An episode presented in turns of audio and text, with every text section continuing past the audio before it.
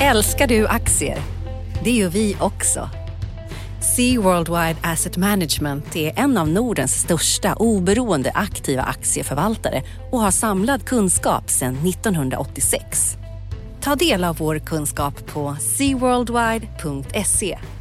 Bokstaven C, worldwide.se.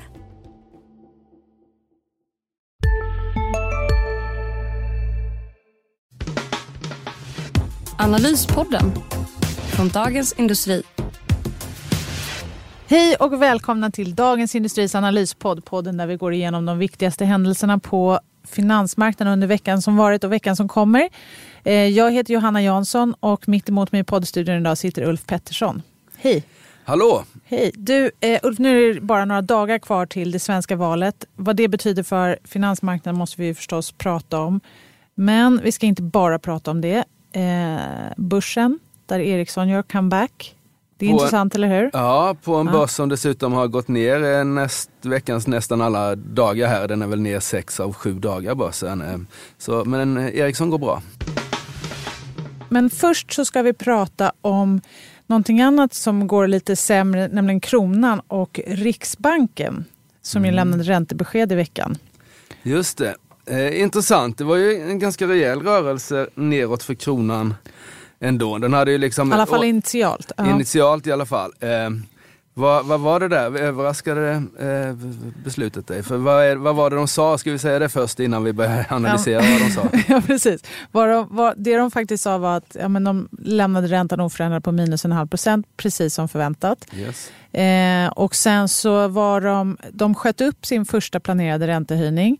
Så det var ju på, och det förklarar väl liksom den här kronreaktionen. För senare räntehöjningar, lägre räntor i Sverige relativt omvärlden ger en svagare krona. Mm. Men sen var de lite tydligare med när de väl sätter igång hur de faktiskt ska gå tillväga. Så att man kan både säga att en räntehöjning har de skjuter den lite på framtiden. Förut har deras räntebana indikerat att de skulle kunna höjt någon, en viss sannolikhet för att de skulle höja i oktober. Och det här kan ju tyckas nörderi. Liksom. Oktober, Ja, december, det vem bryr det, sig? är- det är därför vi sitter här och sånt. Mm. Ja, vi är lite nördar. Ja, så att, eh, men, så att, men så förtydligade de då att nej, vi, kommer, vi siktar på en räntehöjning i december eller februari och den kommer bli med 0,25 procentenheter. Och sen ska man höja räntan med ungefär sådär, en två gånger per år därefter. Så en halv procent om året därefter, om det inte händer något alldeles extra. ordinärt. Exakt, det finns ju alltid var den det- brasklappen. Var, var, det ett bra beslut? Gjorde det alltså för, för en riksbank ska göra några saker. Deras eh, över, eh, övergripande funktion det är att hålla eh, värdet på, på våra, våra pengar eh, stabilt. Eh, och det har ju varit då 2 inflation eh, så att säga. Och sen så ska de ju vara tydliga så de inte liksom gör marknaden osäker. Eh, eh, fråga nummer två där, är det liksom, har de blivit en tydligare eh, en tydligare riksbank nu, en enklare. Att, att, var det ett bra beslut att vara så tydlig menar jag med att man ska höja 0,25 och man ska göra det antingen i december eller februari? Det tycker jag var bra, att de Mm. förtydligade det. Sen så tycker jag att de skulle kunna haft kvar, de har liksom darrat lite på manschetten här under året. Därför att de sa i våras att de skulle kunna höja under andra halvåret. Då har de liksom skjutit lite på det gradvis. Och det spretar ju lite mellan, om man tittar på de bedömare som följer Riksbanken på marknaden. Vissa har sagt att ja, men vi tror inte att Riksbanken kan höja räntan förrän ECB börjar höja i slutet av 2019 ungefär. Någon annan har sagt att ja, det kanske blir till våren och ytterligare en tredje har sagt att vi tror nog att de gör som de har indikerat, nämligen att de höjer på den här sidan årsskiftet. Så det har varit lite spretigt. Och Eftersom vi vet att Riksbanken tidigare har skjutit upp planerade höjningar så finns ju alltid risken att när de gör det då igen, att man Ja. här, ja ja okej, Okej, vi vargen kommer, se. vargen kommer, Ja. men vad då? Nej, den kommer inte. Nej. Så, att, ehm, så den risken finns ju. Samtidigt så var de då lite tydligare nu med hur de ska gå tillväga. Så jag, jag hoppas att de håller i det här för att det är faktiskt, alltså snälla någon, äntligen dags att plocka bort lite av den här stimulansen.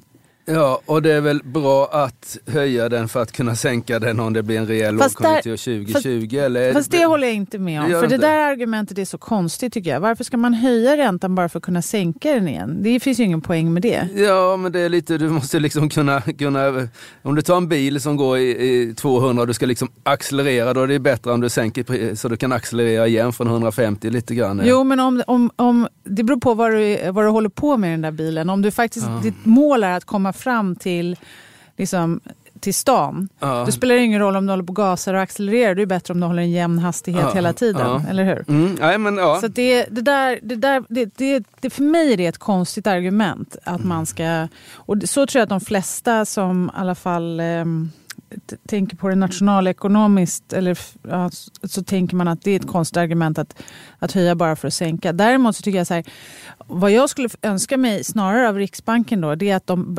tänker någonting som eh, Anna Öster som tidigare var chefsekonom på Länsförsäkringen nu investeringschef där har pratat om i vår systerpodd Makrorådet. Att Riksbanken borde inte tänka så mycket på vad som har hänt, inte bara på vad som har hänt sen sist och sen anpassa sig efter det. Alltså, nu så har inflationen visat lite svaghetstecken sista tiden och då sänker de räntebanan eller skjuter på den första höjningen. Hon har på, gjort en poäng av, och det håller jag med om, att ja, men det kanske inte bara det är så här, det här har hänt de senaste två månaderna och sen så ändrar vi prognosen framöver på grund av det. Utan man kanske också ska tänka så här, var står vi idag? Vad har vi för nivåer? Liksom, var är vi i konjunkturen? Att plocka bort några av de här senaste räntesänkningarna betyder inte att man måste fortsätta och liksom strama åt jättemycket, bromsa den här bilen om man säger. Man kan sänka till en fortsatt jämn hastighet men något lägre. Ja. Ungefär det vill så. säga höj, höja räntan. Det vill säga höja räntan och se hur det känns. Och sen kan man fortsätta därefter. Och då tänker jag så här, det, då är mitt argument snarare så här, då är det bättre att börja tidigare så man kan ta det lugnare framöver. Och varför tror du de gjorde det här nu då? Vad är det någonting som har hänt? Precis som du säger, de tittar vad är det någonting som har hänt som gjorde att de satte dels ner foten på ett annat sätt än tidigare och sen kanske sköt fram det då? Alltså det som har hänt som gjorde att de sköt fram det är att inflationen har visat lite svaghetstecken de senaste Den har, månaderna. den har, den har liksom... Den ligger nära inflationsmålet och allt det där och det är bra men eh, liksom delarna i det gör att de är rädda för att den ska falla tillbaka igen. För just nu drivs inflationen mycket av såna tillfälliga effekter. Eh, energipriser som vi vet är volatila, de går upp och så går de ner och då drar de ner Ja, inflationen. bensinpriset är ju på all time high nu på vad är det, 16,50 och sånt där för lite. Mm. Ja, det märks ju. Det är importerad inflation delvis. Mm. Och sen, eh, så det hänger ihop både med höga energipriser och den här svaga kronan som vi har. Och det. Mm. kommer ju lyfta inflationen under hösten. Men sen får man se, det är liksom inte kanske så uthålligt framöver. Och det är de lite rädda för. Mm. Men eh, ja, du märker att det är dyrt när du tankar. Mm, det gör jag. Du får börja köra elbil Uffe. Jaha, eh, men eh, vad ska jag ladda den då? Ska, jag kan inte köra in den i lägenheten. Nej, vadå? Du. Men nu skojar du väl? Nej, men det- men alltså det, du har ju ett Stockholmsperspektiv på livet. Det är liksom, elstolpar att- finns inte överallt i, i, i Sverige hur som helst. Nej, det, det det, är det, alla- är förvisso sant. Jag tror inte att de finns mer här i Stockholm. Åk till Gotland till exempel, väldigt mycket laddstolpar där. Jaha, Nu har de det i och för sig är ju ingen stockholmare el. som är på Gotland. Ja. Det är väl de som har tagit, över, tagit med dem över färjan. Ja, nej, Ja, man ska ja, vara försiktig. Jag ja. vet att bensinpriset är en het fråga ute i landet och så. Men, Ja men det är det faktiskt. Eh, eh, ja det är liksom eh, två spänn där, jag kommer inte ihåg när det var, det var 14,50 det var inte så Mm. länge sedan. Det är liksom en hundring varje gång man tankar och sådär. eh, ja, verkligen. vanlig- Och 10 var inte heller en ion. Eh, Nej, och jag var, körde, körde bil i, i Europa och det var mycket, dels var, var eh, fortkörningsböterna billigare i Tyskland men även bensinen var ju t- Absolut. två, tre spänn billigare.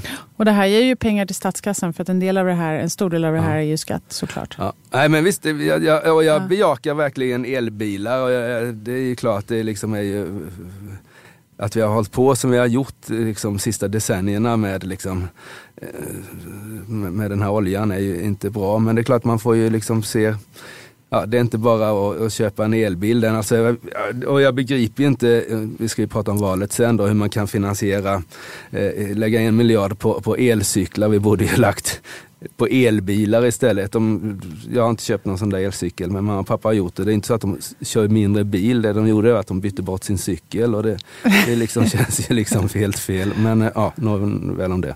Ja, men det, det är svårt att inte... Men det är, det är samtidigt så här det är, därför att ekonomin och politiken hör ju ihop. Ja. Och det, eh, det är därför det här blir superintressant på söndag. Men mer om det senare. Ja. Nu tycker jag, jag är lite nyfiken på hur du ser på det här som händer i omvärlden. Vi pratar ju om att räntor är på väg upp i Sverige Mm. och i USA så väntas Fed höja för åttonde gången faktiskt Mm. nu senare den här månaden.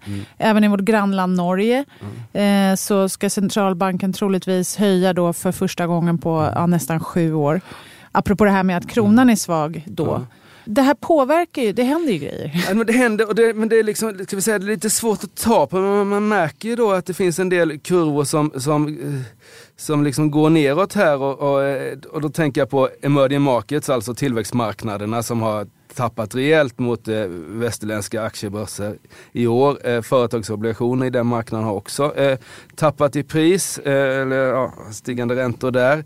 Vi har råvarupriserna som eh, förutom oljan då, det är väl kanske en eh, Iran-effekt, så är råvarupriserna generellt sett ner i år. Och det är sånt där som, det kan ju indikera någonting att den här fantastiska världsekonomin som vi liksom ser nu det finns det inte liksom, det finns ändå någonting där som oroar lite grann eh, tycker jag. För det där, eh, jag vet inte vad du tycker om... om... Jo, men jag håller med. Och jag tänker, ibland så fastnar diskussionen när man läser tidningen om eh, att tillväxtmarknader de är för små för att spela någon roll. Det kommer mm. inte bli den här... Vi tänker oss hela tiden att för alla går ju och letar efter de här signalerna som ska visa på ja. att vi får en vändning mm. i ekonomin. Alltså de finns ju där. Att vi, att vi har passerat konjunkturtoppen det känns ganska självklart. Ja. Men ekonomin kan ju fortsätta växa starkt för det. Så det här behöver inte vara en, eh, liksom någonting som man ska vara orolig för att det här ska sprida sig till resten av världen ungefär som när Lehman Brothers gick i konkurs. Mm. Det är inte så jag, men däremot så tänker jag liksom lite som du att det här är ett symptom på mm. att vi är på väg in i en ny fas. Nu ser man vilka som inte riktigt klarar av de här räntehöjningarna som ändå är på gång. Så tänker jag. Och det är, ja, precis, och det är väl kanske där, alltså det är inte så att precis som du säger, tillväxtekonomierna sänker liksom eh, de utvecklade ekonomiernas ekonomier. Men däremot så är det lite kanariefågeln, det är där man ser, ska vi säga, obalansen eller förändringen först. För, för, det, det, är liksom, det är där de snabbaste... Den kanariefågeln ja. i kolgruvan ja, som precis. ska varna ja, när det inte finns syre. Nej, och det kan vara ja. så att, att, att liksom, ska vi säga, de mest känsliga pengarna, de hamnar liksom, de sätts in i, i, i tillväxtmarknaden när, när man tror att det ska liksom gå bra och de tas ut snabbt. Det är, liksom, det är där du ser den första effekten av en rök, ökad ska vi säga, riskaversion på marknaden. Att För liksom... andra mått, så här, VIX-index och såna här klassiska mått på ja, de är volatilitet, de, de, är fortfarande de är, låga. De är jättelåga och då mm. har vi ju, eh, men det, jag vet inte hur bra mått, eh, ja det är klart att, att, men de kanske är liksom, ja det är väl ett bra mått men det är ju ett, det är ett historiskt mått så att säga, lite som vi pratade om Riksbanken kanske inte ska liksom titta historiskt utan titta lite framåt och man kanske ska liksom ha något ex ante istället för något ex post Eh, eh, VIX-index på något sätt. Eh, eh, men jag tycker det är ganska intressant att, att de här tillväxtmarknaderna, nu finns det ju politiskt, det, är inte, det, det finns ju kanske andra skäl har handlat ner emerging markets nu. Vi har ju liksom stora problem i Argentina och, och, och, och, och Turkiet och sådär. Och det enda som liksom, ja, Indien går väl bra då, men och Kina kan man också fundera, då har handelskriget som säkert spelar roll också. Men även med detta inberäknat så kan det vara så att vi ser någon slags första tendens till, till att eh, risk, att folk är, vill ha mer betalt för att ta risk. Ja, att man inte är riktigt lika riskvillig. Mm. Eh, så kan man säga, och det ser man även på, om vi tittar på nu är det ju bara, än så länge bara ett litet hack i kurvan men vi har ju haft en del rörelser faktiskt på de här fangbolagen. Eh, Facebook var ner en 6-7% intradag. Teknikaktierna i USA ja, som också Amazon. är lite mer liksom, ja, det är där, risk... Det, är, det är, liksom, det är nog de första, första aktierna man säljer. Liksom. Dels har folk vinster på dem, eh, åtminstone på Amazon. Och sen så känner man att det börjar ha gått snabbt. Mm. Så det, det, tror jag kan vara liksom känselspröten. Ja men så är det. Och eh, det, det, det, tror jag också. Man, vi kan konstatera att såna breda emerging market index är ner ungefär 20 procent sedan årsskiftet. Och det är en definition på en eh, så kallad björnmarknad. Då. Och frågan mm. är då om det är som du säger, så här, är det enskilda händelser, Argentina, Turkiet eller är det här ett tecken mm. på någonting större? Och då låter det som att på dig som att mm. ja, men det här är nog någonting, tecken på att vi är inne i något nytt. Nej, ja, det är åtminstone, jag säger inte att det är tecken, men det är någonting man liksom ska, ska liksom ska, ska, ska, ska liksom observera tycker jag med ökade... Sen finns det ju folk då som går in här. Jag satt i tv-studion för en timme sedan och då hade Sven-Olof Johansson, den här fastighetsmagnaten, börjat köpa Oriflame vilket är ett slags bett på emerging markets om man inte vill handla emerging markets. Eh, Sminkbolaget som, som är finns, stora i Ryssland och, ja, och Sydamerika och, och, och Turkiet ja. och sådär. Eh, men det är lite tidigt. Alltså såna där, såna där, såna där Man kan så... väl i och för sig säga att det, det, finns ju stora skillnader. Man ska inte, och även vår kollega Henrik Mittelman skrev om det här i tidningen i veckan, att Eh, bara för att vi ser att jag menar, även om det här är en del i någonting bredare än problem enskilt i Argentina och Turkiet så är det ju så att det finns skillnader inom tillväxtmarknader. Och tittar man på företagsobligationer till exempel i eller tillväxtmarknaden då, så ser man att det är en stor skillnad. De är dåliga Med en värld i gungning blir det viktigare än någonsin med kunskap och diskussion. Att värna det fria ordet, för livet och demokratin. Så när du trodde att du visste allt, har vi alltid lite till. Privata affärer plus allt. All journalistik du behöver, samlad. Prova en månad gratis. Sista dagarna nu på vårens stora season sale. Passa på att göra sommarfint hemma, både inne och ute. Och fynda till fantastiska priser. Måndagen den 6 maj avslutar vi med Kvällsöppet i 21. Välkommen till Mio. Kreditbetyg de har fallit mycket i pris. Mm. De är mittemellan har fallit mittemellan och de är bättre, de få som då har bra kreditbetyg, AAA eller så, mm. ja, men de har inte fallit alls. Så det är väl också så här, det är inte, krisen är inte, står inte runt hörnet men det kommer att bli, det, det ställer lite högre krav på oss som sparare, placerare, analytiker att titta på vilka äpplen i den här korgen som är lite är lite anfrätta och vilka ja. som fortfarande ser friska och fräscha ut. Ja. De friska och fräscha äpplena går ju fortfarande mm. att äta ett bra ja. tag till. Men jag tror, ja jag håller med dig.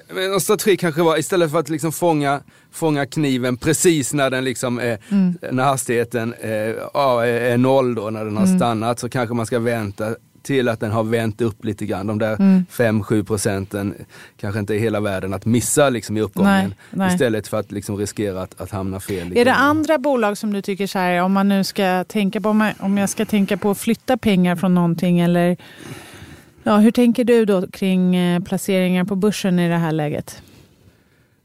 Ja, ska, är det någonting som är köpvärt eller är det mer att man ska behålla det man har eller ska man sälja av eller hur ska man tänka? Ja, det där är jätte det där är ju liksom svårt. Man får gå ner på stockpicking nivå. Vi kommer väl kanske... Men det är väl det som är helt enkelt läget nu då? Ja, det är väl det som är läget. Och jag tar, nu, har ju den, nu är ju inte den liksom eh, nedkörd, tvärtom. Eh, Ericsson här, men de går ju faktiskt in i, i, en, i sin egen eh, konjunktur här med 5G som det senaste vi hörde är att det ökar snabbare än vad vi liksom, än vad förväntat, alltså utbyggnaden där. Och Ericsson har en väldigt stark position. Och, de har ju gått mot strömmen den här veckan. Ja, de har gått mot strömmen. Och, eller inte bara den här veckan, nej. men... Och, ju, och den har ju liksom stigit eh, vad är det, 60 procent i år eller något sånt där. Så det är fantastiskt. Men likväl om man drar ut det här så kan ju det faktiskt Ericsson vara en av de få som Alltså telekommarknaden för första gången på ganska länge växer snabbare än övriga marknader. Och Ericsson har en bra position och kommer in som ett eh, friskt, eh, friskt bolag eller friskare bolag än vad de var för några år sedan. Så det där tror jag att, jag tror att man kan ligga i, ligga i Ericsson ex, eh, exempelvis. För den här 5G-utbyggnaden, jag menar det är liksom själva kärnan i, i allt vad vi håller på med med e-handel och pratar om allting annat så är det ändå liksom det är kommunikationen som krävs för att det ska kunna funka. Och intelligenta hem och stä smarta städer allting. och allt vad det är för någonting. Så det där mm. tycker jag nog, Ericsson tycker jag man kan ha. Eh, faktiskt. Annars så, så, ja, mycket liksom Volvo har ju, har ju, har ju inte tagit fart trots att den är ganska lågt värderad nu men, men likväl så är ju, är ju det känns som vi är i sluttampen på den här fantastiska eh, lastbilskonjunkturen som vi har haft. Ett annat bolag som har vänt upp är ju eh, eh svenskt eh, bolag är ju SAS.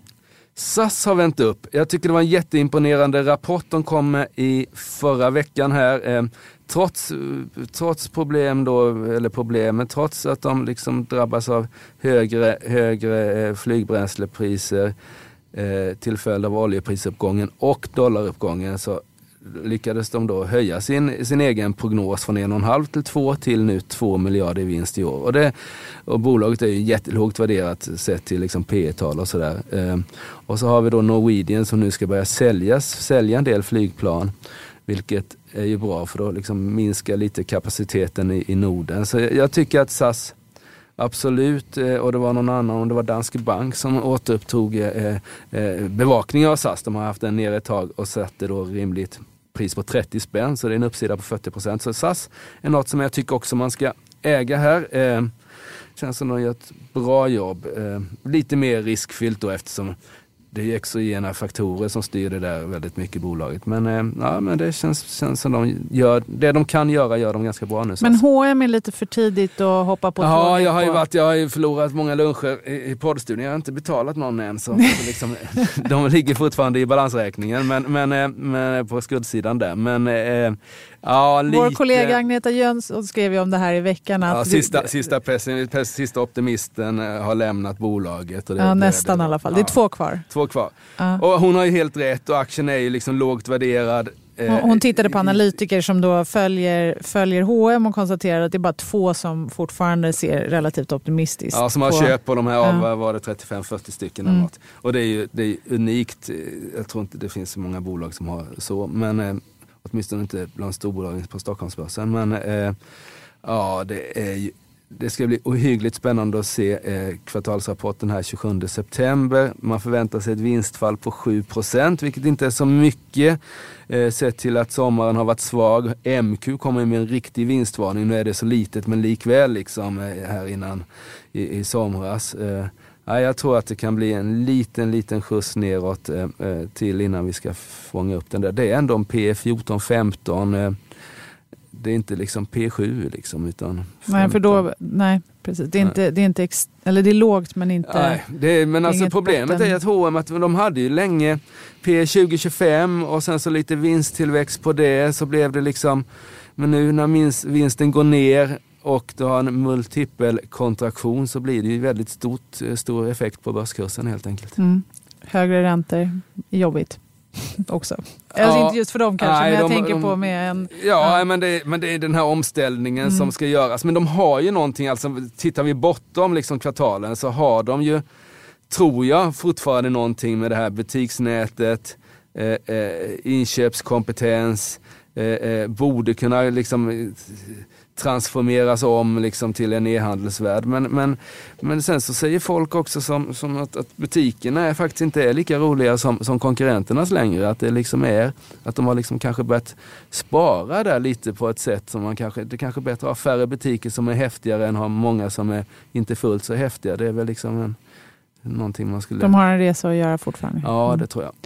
Mm. Ja, men om vi, våran resa då i eh, veckan som eh, kommer, om vi blickar framåt det, så har vi ju en, eh, dels eh, lite centralbanksinfo. Vi får, eh, apropå Riksbanken då, som med deras besked så blir det extra intressant tycker jag då som eh, centralbanksnörd att följa inflationsutfallen här under hösten. För det kommer ju spela roll för om de vågar gå för december eller om de ska gå i februari eller om de mm. kanske skjuter ytterligare på den första planeringen. Och, och, ge, ge läsarna en, en siffra där. Och, om inflationen, om den är över två, då höjer de i december. Ja, alltså den är ju över två. Ja, Men det gäller, mm. det gäller att titta på inflationen exklusive de här jobbiga energipriserna ja. och det underliggande. Det blir lite knepigare. Men ja. det gäller att den inte fortsätter falla, den underliggande inflationen. Mm. Um, utan att den faktiskt ser ut att stabiliseras åtminstone. Mm. Och så får vi också lite inflationsförväntningar, de blir viktiga på onsdag. Och sen som sagt KPI-vecka då med, med inflation både för Sverige och för Kina, USA och definitiv mm. inflation för Tyskland. Och så får vi ECB-besked på torsdag, det är också spännande. Mm. och du är... då, på börsen, vad tittar du på? Ja, eh, ja, det finns ju Inditex, kom, vi pratade om H&M, Inditex kom med en rapport, det ska bli spännande att se. Eh, jag vill minnas att de föll lite på den senaste rapporten. ICAs, nu är det i och för sig bara månadssiffror, men ICA har ju också en resa att göra i den här omställningen, eh, digitala omställningen och att de måste eh, komma tillbaks till vettiga eh, rörelsemarginaler igen, det får vi inte reda på då, men, men jag tycker det, det är något att följa liksom, ICAs omvandling till en e-handels den fysiska handeln har toppat i alla segment utom livsmedel där den fortfarande växer. Annars är det, liksom, annars är det ingen tillväxt i, i fysisk handel. Men livsmedel växer fortfarande. Men det, det, är inte säkert att det gör så länge till när fler och fler börjar handla mat på nätet och sådär. Så det, det är spännande. Sen så är det ju valet förstås. Ja, det är jätteintressant. Eh, ja, kan... Vi kommer ju få ha efterdyningar av det här valet. Det är inte bara nästa vecka säkert, utan Nej, det, det, kan, ju det pågå kan, länge. Det men kan det... pågå länge, men det blir ju intressant. Jag säger inte att det liksom kommer sänka börsen jättemycket här. Jag kan till och med tänka mig att den här svaga kronan vi haft inför valet som delvis kan ha att göra med valet ändå. Mycket är ju vår, vår räntepolitik men en del har säkert varit valet. Ja men det tror jag också. Och eh, då, har vi, då, har, då kan det ju vara sådär som marknaden ofta brukar reagera det här att sälj på eh, ryktet och köp på nyheten lite grann. Att man, man liksom, om det nu blir ett väldigt stökigt val, eh, väldigt oklart val och sådär, så är ju den, ryggmärgsreflexen är ju att man ska liksom sälja kronor då och, och överge Sverige. Men det kan ju bli som i Brexit sommar 16 eller, eller Trump november 16 att den här förväntade reaktionen uteblir och vi får liksom en omvänd effekt att de som har sålt kronor har redan sålt kronor liksom mm. inför valet och att vi därmed får en stärkt krona mm. när, liksom, när valet är över. För nu är, ändå liksom, nu är det över. Liksom. Det blev inte världskrig eh, liksom, i Sverige. Men, Nej, ja, det får vi se. men det blir väldigt spännande att se. Och för omvärlden, det är ett väldigt fokus på Sverige, lilla ja, Sverige helt ja. plötsligt i internationell media ja. och sådär. Så det här har ju fått betydelse. Ja. Och sitter man då i, i London eller i, eh, i Tokyo eller i ja. New York och inte har superkoll på Sverige och så ser man att Sverigedemokraterna går framåt, Vänsterpartiet går framåt, ja. som är två ändå partier ute på liksom flank. varsin flank. Ja. Som också pratar om att vi ska gå ur EU och sånt där. Jag menar, ja. då, det är en ja, risk. Precis, det, och det är som sagt var, till och med i Japan så, så liksom var det väl någon premiärminister eller något som började prata om Sverige och det varnade exemplet med, med ökad befolkning och sånt mm. där. Liksom. Uh, och det är ju jättespännande. Och så, så det, jag håller med dig. Jag tror att det kommer vara fokus på, på Sverige. Men som du säger, det, kan, det är inte alls säkert att eh, framgångar för... Alltså det ska till väldigt stora framgångar för både SD och vänstern för att kronan ska fortsätta försvagas efter valet. Ja. Eh, och får vi istället en, eh, ser det ut som att vi kan få en koalitionsregering med då, som vi har haft, en rödgrön eh, blandning så tror jag inte att det händer särskilt mycket med kronan. Mm. Och skulle vi få en alliansregering då, ja men då kanske det kan bli något starkare krona. Det är också ungefär vad enkäter inför, ja. inför valet har visat. Precis. Så det, det, är väl liksom, det är väl ungefär det, det är så det liksom brukar se ut. Liksom. Om det blir boja så blir det en mm. svagt eh, starkare liksom, och börsen går upp, bör, mm. brukar gå upp några dagar. Liksom. Sen får man ju se, det är inte säkert att det blir varaktigt. Men eh, ja, det blir... Har du röstat?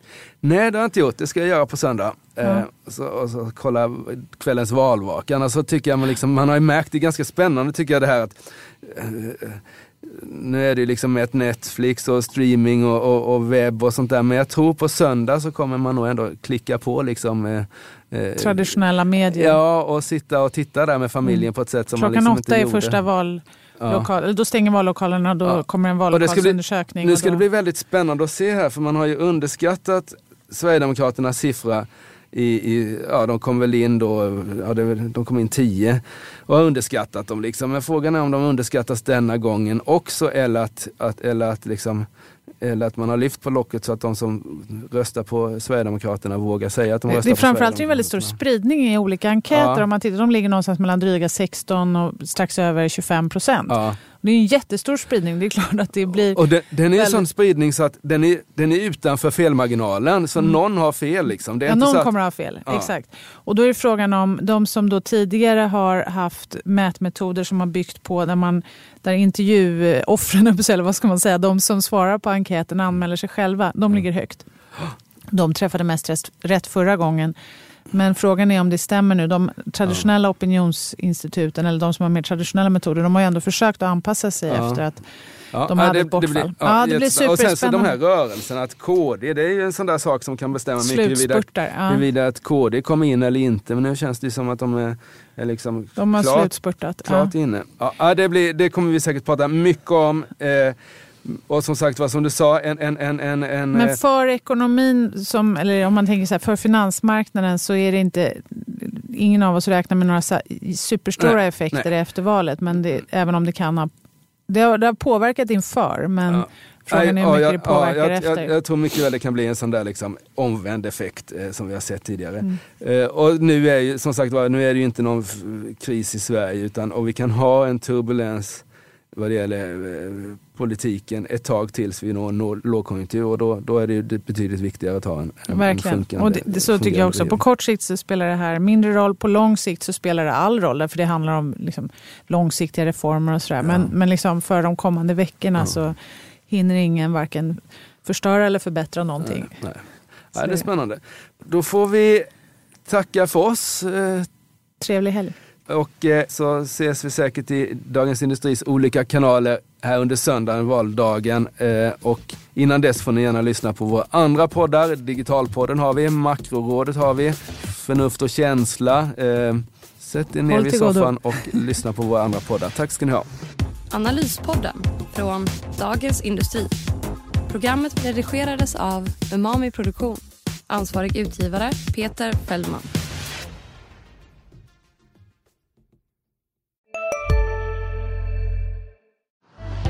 Älskar du aktier? Det gör vi också. Sea Worldwide Asset Management är en av Nordens största oberoende aktiva aktieförvaltare och har samlad kunskap sedan 1986. Ta del av vår kunskap på seaworldwide.se. Bokstaven C, worldwide.se